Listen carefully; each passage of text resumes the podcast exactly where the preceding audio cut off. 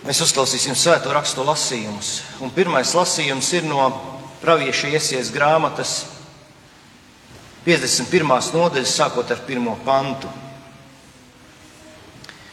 Klausies manī, kas dzenaties pēc taisnības, kas meklējat kungu, lūkojieties uz klinti, no kuras izcirsti un no kuras izcirsti uz izrakto bedri, no kuras ņemti Uzlūkojiet savu tēvu Abrahāmu un Sāru, kas jūs dzemdējusi. Viņš bija viens, kad es viņu aicināju, un es svētīju un vairoju viņu. Gan kungs mierinās ciānu, viņš mierinās tās drupas, tās tūkstnesi par ēdeni pārvērtīs un kailatni par kunga dārzu. Tur būs līksme un prieks, pateicība un dziesmas Klausies manī, tu mana tauta, atdari ausis, mana cilts, jo no manis nāks bauslība, un mana tiesa kā gaisma atspīdēs tautām. Mana taisnība tuvu jau klāt mana glābšana, mans alkonis tiesās tautas, piekraste jau gaida uz mani, tur cer uz manu alkoni. Celiet uz debesīm savas acis un lūkojiet lejup uz zemi. Debesis gaisīs kā dūmi, un zeme tiks novalkāta kā drāna. Tās iemītnieki izmirs kā knišļi, bet mana glābšana būs mūžīga, un mana taisnība nezudīs. Tā kunga vārds. Pateicība Dievam. Jaunās derības lasījums ir no Pāvila vēstules romiešiem, 8. nodaļas, sākot ar 31. pantu. Ko lai mēs par to sakām? Ja Dievs par mums, kas būs pret mums? Kā tad Viņš, kas savu paša dēlu nav audzējis, bet devis viņu par mums visiem, līdz ar viņu nedāvās mums visas lietas, kas apsūdzēs Dievu izredzētos? Dievs tos taisno, kas tos pazudinās? Ir taču Kristus Jēzus, kas ir kas miris, vēl vairāk, kas augšām cēlies, kas ir pie Dieva labās rokas un kas aizstāv arī mūsu Kas mūs šķirs no Kristus mīlestības, vai bēdas, vai nelaimes, vai vajāšanas, vai bats, vai kailums, vai briesmas, vai zobens? Tā kā ir rakstīts, tevis dēļ mēs augu dienu topam nodoti nāvē, mēs esam pielīdzināti kaujamām avīm. Bet visā tajā mēs pār pārēm esam uzvarētāji, pateicoties Kristum, kas mūs ir mīlējis. Un es esmu pārliecināts, ka nec nāve, nec dzīve, nec eņģeļi, nec varas, Nec tagadne, nec nākotne, nec spēki, nec augstumi, nec dziļumi, nec kāda cita radīta lieta mūs nespēj šķirt no Dieva mīlestības, kas ir Kristu Jēzu mūsu kungā. Tā kunga vārds. Pateicība Dievam. Žēlstība jums un miers no Dieva, mūsu Tēva un no Kunga Jēzus Kristus. Lasījums no Jēzus Kristus evaņģēlija, ko ir pierakstījis Svētais Lūkas. Tā saka tas kungs, nebīsties tu mazais ganāmais pulciņš, jo jūsu tēvs ir nolēms jums piešķirt valstību. Pārdodiet savu īpašumu un izdaliet to nabagiem, gādājiet sev naudas makus, kas nepaliek veci, neizsīkstošu mantu debesīs kur zaglis nevar piekļūt un ko kods nevar maitāt. Jo kur jūsu manta, tur būs arī jūsu sirds. Lai jūsu gurni ir apjosti un jūsu, slā, jūsu lāpas, lai deg. Esiet līdzīgi ļaudīm, kas gaida savu kungu no kāzām pārnākam, lai tam tūdaļ varētu durvis atvērt. Kas tad nāks un klauvēs? Svētīgi tie kalpi, kurus kungs pārnākot atrod nomodā. Tiešām es jums saku, ka viņš apsējas priekšautu, to apsēdinās, apstaigās visas un tiem kalpos. Un ja viņš nāktu naktas vidū vai pirmajos gaiļos un tos atrastu nomodā, svētīti tie. Bet to ziniet, Ja nama kungs zinātu, kurā stundā nāks zaglis, viņš neļautu tam ielausties savā namā. Tāpat arī jūs esiet gatavi, jo cilvēka dēls nāks tādā stundā, kad jūs to nedomājat. Āmen. Tie ir svēto rakstu vārdi. Slava tev, Kristu! Vispēcīgais un mūžīgais Dievs!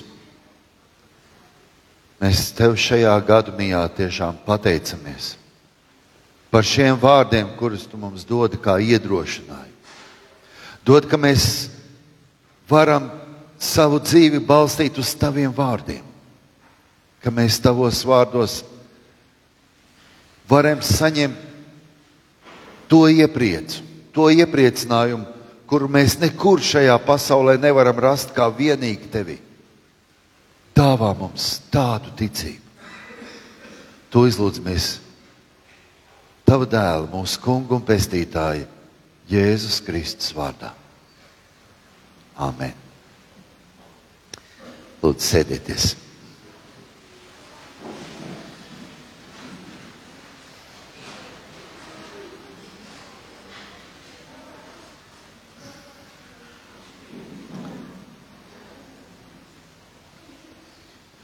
Man šajās pāris nedēļās, zinot to, ka man šajā gada mijā būs jāsprediķo jums, mīļie. Es daudzreiz pārlasīju šo svēto rakstu vārdus, un, ja godīgi sakot, man vairāk kā nedēļa bija tāds kā pilnīgs tukšums. Es nesapratu, par ko runāt. Es nesapratu, kas ir tas, par ko Dievs grib mums šodien ko teikt īpaši. Un tā sanāca, ka pēc Ziemassvētkiem uzreiz mums padeva ziņu, kāda mums ir radiņa, kad aizgājis kāds vīrs 85 gadu vecumā mūžībā Ziemassvētkos. Vakar bija izvadīšana bērns. Un, ja godīgi, vēl līdz šim rītam man īsti līdz galam tā pilnīgi skaidrs nebija, ko Dievs grib šodien tādu īpašu pateikt. Ziniet, mūsu ikdiena, mūsu dzīve bieži vien ir tik ļoti pārpildīta ar tik daudziem dažādiem notikumiem, tik daudzām dažādām, man liekas, tādām, tādām nu, pašai par sevi saprotamām lietām. Kad reizēm tikai tad, ja satricina mūsu dzīves pamats vai pēkšņi kaut kas ir ne tā, kā mēs to gribētu, tad mēs sākam raizēties. Ja līdz tam viss ir tik ļoti labi, tad parasti jau viss ir kārtībā. Par ko tad daudz kreņķēties? Šās dienas svēto rakstu vārdos mēs ieraugām Jēzus vārdus.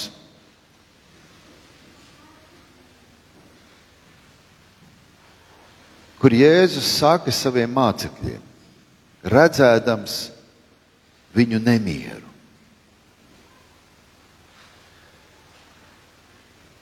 Šis gads. Kāds mums ir šis gads? Es noteikti varētu to noteikti apsēsties kādā klusā vietā, vai iedezinot svecīti, vai vienkārši esot kaut kur vienatnē ar sevi kopā, atcerēties to, kas šajā gadā ir tāds īpašs noticis. Un domāt, par lietām, kas mūs sagaida nākotnē. Līdzīgi arī mācekļi redzēdam un dzirdēdam daudz ko no Jēzus, viņi sāk uztraukties. Kāda būs mūsu nākotne? Mācekļi nav īsti pārliecināti par to, kam viņiem ir jābūt gataviem, uz ko. Vai mēs esam maz pārdomājuši lietas, kas varētu notikt kaut kad nākotnē, kaut kad tuvākā vai tālākā nākotnē? Un tas varbūt nav tas pareizākais jautājums šodien mums, kas mums būtu jāuzdod, bet tomēr mūsu prātos bieži vien gluži tā kā tāds dzirkstels izsprāgst. Kāds būs nākamais gads? Kādu mēs viņu ieraudzīsim? Ko Dievs mums atkal ļaus piedzīvot.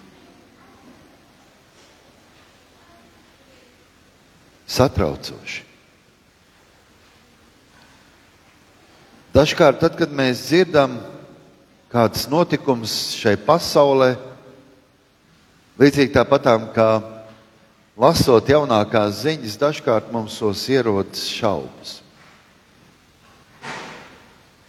Visapkārt ir nemieri, karš, kas iespējams mūs var apdraudēt pat tuvākā nākotnē. Ir kādas lietas, kas mūsu dzīvē iespējams notiks tuvākā vai tālākā nākotnē, vai tās būtu kāds, kāda ārsta izteikts prognozes, vai kādi notikumi, kas mums ir pakārtojušies mūsu dzīvē, un mēs jau zinām un gaidām, ka tas tūlīt, tūlīt notiks, vai arī pēc kāda mirkļa. Iespējams, kādas priecīgas ziņas, iespējams, ka kāds bērns nāks pasaulē, un mēs jau to zinām un gaidām. Varbūt vēl kas, vēl kādas ziņas par darbu, varbūt ne tik drošas ziņas. Varbūt kaut kas tāds, ko mēs nelabprāt gribētu ielaist savā dzīvē. Kāda būs mūsu nākotne? Kas mūs sagaida? Jēzus redzēdams savu mīļo mācekļu raizes un domas, viņš saka, neuztraucies par to. Dievs par tevi parūpēsies. Un jāatzīst jau, ka tādā brīdī varbūt mūsos liekas, nu tad mēs šaustīsim sevi, teiksim, ai, ai, ai, kā tad tā, kāda ir tava ticība? Kāpēc tevī ir tik daudz nemiera? Bet jāsaka, ka mēs neesam ne pirmie, ne pēdējie, kas uztraucamies par to. Man šķiet, ka tā ir tāda cilvēciska cilvēka būtība. Bija kāds vīrs, rakstnieks, Alvins Toflers. Viņš jau vairāk kā pirms 50 gadiem ir publicējis kādu grāmatu, kas ir, var teikt, ārzemēs ļoti, ļoti populāra un arī dažkārt uh, arī joprojām daudz uz viņu balstās. Viņa saucās Nākotnes šoks, jeb angļuiski futūra šoks. Uh, viņš šajā grāmatā ir rakstījis tādu tēzi, ka nākotne mums tuvojas ar tādu ātrumu un intensitāti, ka mums ir grūti ar to tikt galā. Tas, ko viņš ir rakstījis, tas izraisīja ļoti tādas ievērojamas un milzīgas sarunas. Tieši tāpēc, ka cilvēki mēs baidāmies no, no ļoti straujām izmaiņām, pārmaiņām, ar kurām mēs saskaramies mūsdienu pasaulē. Un šīs sajūtas, ka nākotnē, nākotnē mums var kas uzbrukt daudzos tādos veidos, kurus mēs nespējam vai nevaram kontrolēt, tas mūsos rada milzīgu nemieru. Un, ticiet, tad, kad šī grāmata tika sarakstīta, tajā laikā vēl tikai, var teikt, datori bija tādā iedīgļa formā. Nebija ne mobilo telefonu, nebija automašīna, kas pašas brauc. Pat mikroviļņu krāsnes viņiem bija jaunums. Un tomēr tas laiks, tas pārmaiņu laiks tik ļoti ir pātrinājies. Un nākotne šķiet tik neticama. Un patiesībā, patiesībā sakot, ar vienu biedējošu. Protams, mums lielākajai daļai no mums Iespējams, ir, jā, ir jāsatraucās par kādām nākotnes lietām daudz personīgāk. Mēs uztraucamies par sevi, mēs uztraucamies par saviem mīļajiem, mēs uztraucamies par savām ģimenēm. Un tad mēs sākam domāt daudzos dažādos veidos. Daži domā, ignorējot visu to, kas apkārt notiek. Daži dzīvo pagātnē, tajos vecajos labajos laikos, kad, tad, kad mēs augām, tā nebija. Vakar bija jādzird ļoti daudz interesants stāstu par to, par aizgājušiem. Parasti saka, vai nu labi, vai neko. Bet tajā brīdī bija tā, ka viņi runāja par visādām lietām. Viņš saka, jā, nu tā kā mēs augām, tā nebija. Un tad es teicu, šitie pantiņi tik ļoti dzirdēti un tik daudzreiz ir dzirdēts par to, ka, ka tagad šis laikmets ir, ap, ir savādāks un daudz kas ir mainījies. Mēs gribam dzīvot vecajā laikā, tajā laikā, kad bija, tad, kad mēs, es pats atceros pirms dievkalpojumiem, es vēl atcerējos, tad mēs taču devāmies svētceļojumos daudz kur riņķī, un mēs braucām uz Lisabonu un, un Vīni, Austriju, tur, kur šobrīd atrodas mūsu mācītājs Raimons. Vēl kur. Cik daudzās vietās mēs atceramies to viens otru, kā mēs devāmies kopā, kā, kā mēs sadzīvojām viens ar otru. Mums nebija ne tāda līdzekļa, nekas, bet mēs devāmies. Cik daudz kur piedzīvojām tādu patiesu dievu žēlstību un svētību un pasargātību. Vai tas ir šodien? Vai mēs dažkārt dzīvojam šodienā? Vai tā nav? Cik daudzkārt mēs izbaudām šodienu, nedomājot par to, kas būs rīt, kas būs parīt. Arī tas dažkārt liekas tā viegli prātīgi. Bet daudz tomēr nestoties uz to, domājot par nākotni, cenšas uzzināt, ko tā nesīs. Ir kāds profesors Jevģīnijas Nīda, kurš raksta, ka 30% pasaules iedzīvotāji regulāri vienā vai otrā veidā konsultējas ar dažādiem horoskopiem vai astrologiem, lai noskaidrotu, kas mūs sagaida nākotnē. Mums pat latviešu tradīcijā ir tāda brīnišķīga lieta, kā lemt lietās laimīgs. Es, es, es pats atceros savu bērnību, kad, kad, kad lēju ūdenī to, to svinu, vai kas tas bija. Jā, tad skatījās tur, sveču gaismā, tur, kas tur tagad parādīsies, kas tur būs. Bet tāda ir mūsu bērnība, tāda varbūt ir mūsu dzīves pieredze, ka dažkārt mums gribās zināt, kas mūs sagaida nākotnē. Citi varbūt ņirgājoties taisni par šādu mājticību, cenšas saprast, ko sagaida nākotnē, meklējami to zinātnē. Proti, zinātne, kas ir ir tāda vesela zinātnieku skola, saucās futūristi, kur mēģina izmantot statistiku, zinātnisko analīzi, lai prognozētu, kas notiks nākotnē, vispārējās tādās tendencēs, ja ne tādās konkrētās detaļās. Viduslaika vēstures pētnieks Kolins Morris reiz atzīmēja, ka zinātnē ir tikpat neadekvāta kā astroloģija. Viņš raksta, lai prognozētu nākotni. Viņš ierosina, ka, ja datori būtu pastāvējuši 1872. gadā, kad zirgs bija galvenais pārvietošanās līdzeklis, kāds eksperts noteikti būtu noteicis, ka līdz 1972. gadam pasaule septiņu, septiņu kaut kādā, nezinu, tie varētu būt metri dziļumā, visur klātu zirga mēslu.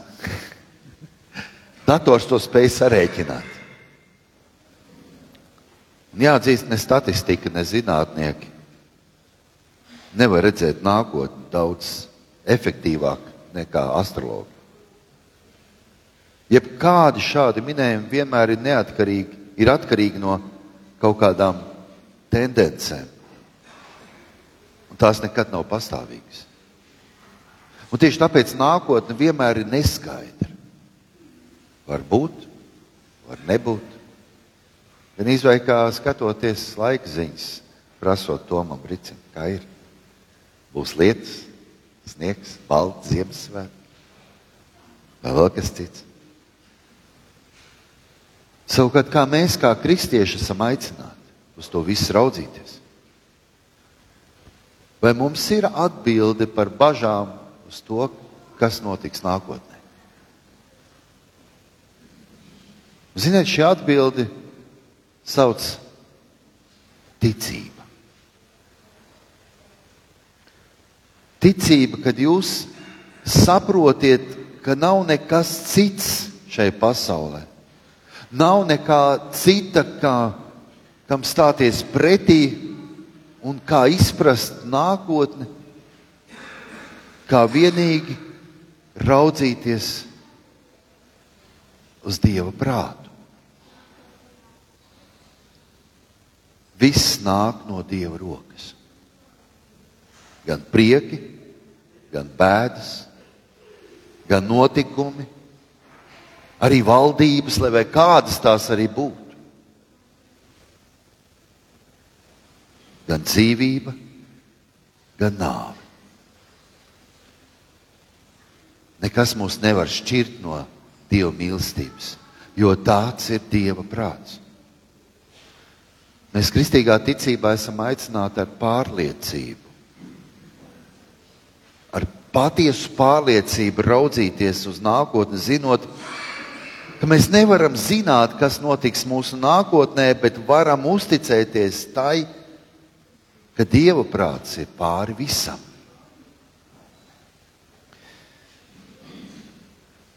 Vēstulē ebrejiem ir rakstīti kādi interesanti vārdi.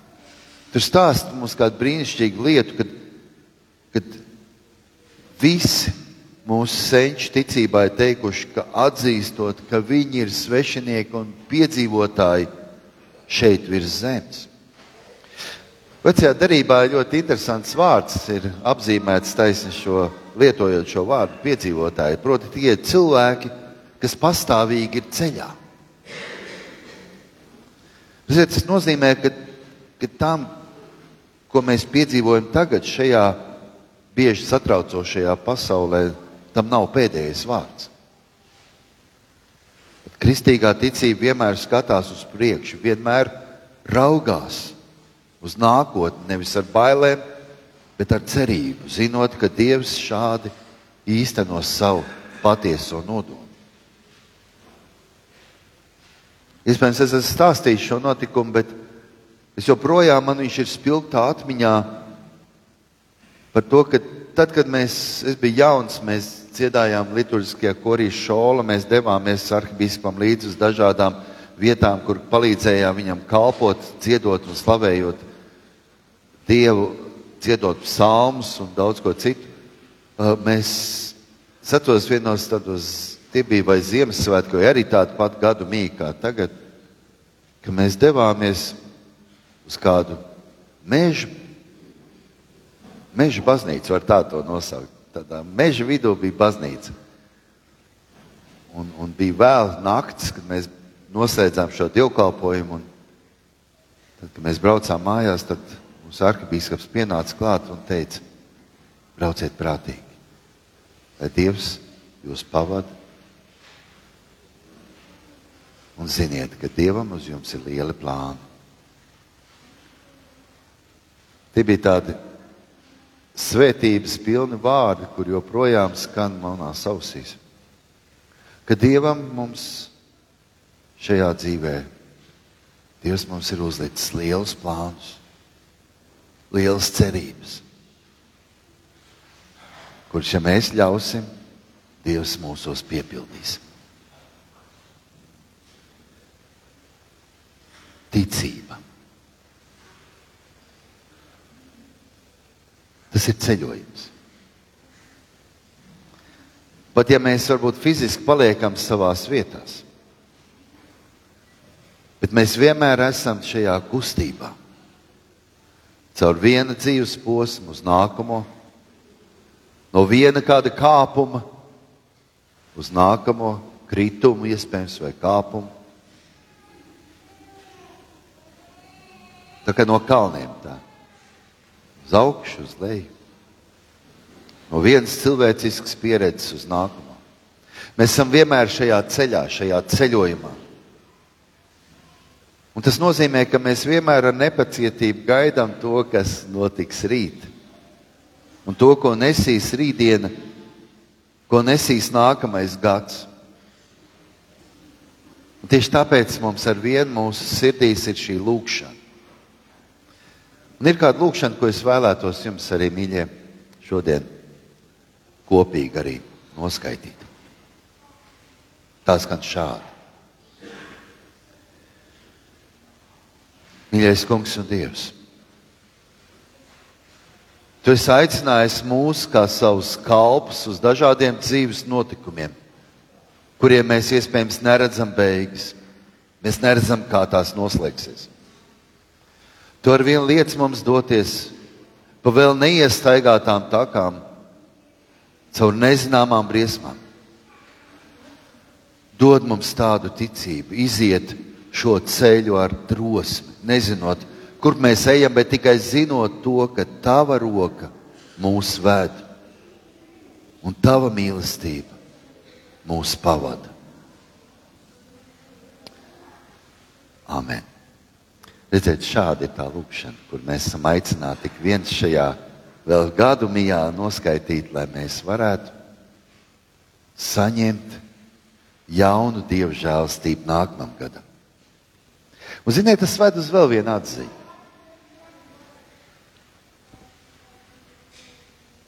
Mūsu nākotne pieder Dievam. Un par tiem, kas dzīvo ticībā, saka, ka Dievs nekaunas saukties par viņu Dievu. Patiesi Viņš tiem ir sagatavojis pilsētu. Un tā kā Viņš ir mūsu Dievs, mums nav jābaidās no tā, kas var notikt nākotnē. Un ir vēl kāds citāts, ko es vēlos jums nolasīt vēl pavisam priekšā. Es neesmu pārliecināts, kurš to ir teicis. Es, ne, es tā arī neatradu šī citāta avotu un autoru, bet viņš ir ļoti skaists. Es nezinu, kas būs nākotnē, bet es zinu, kam būs nākotnē. Dzirdēt to vēlreiz. Es nezinu, kas ir nākotnē, bet es zinu, kas tur nākotnē. Tas ir Dievs, kurš nekaunas saukties par mūsu Dievu, kurš mūs mīl, kurš mūs vada un tur visas mūsu dienas.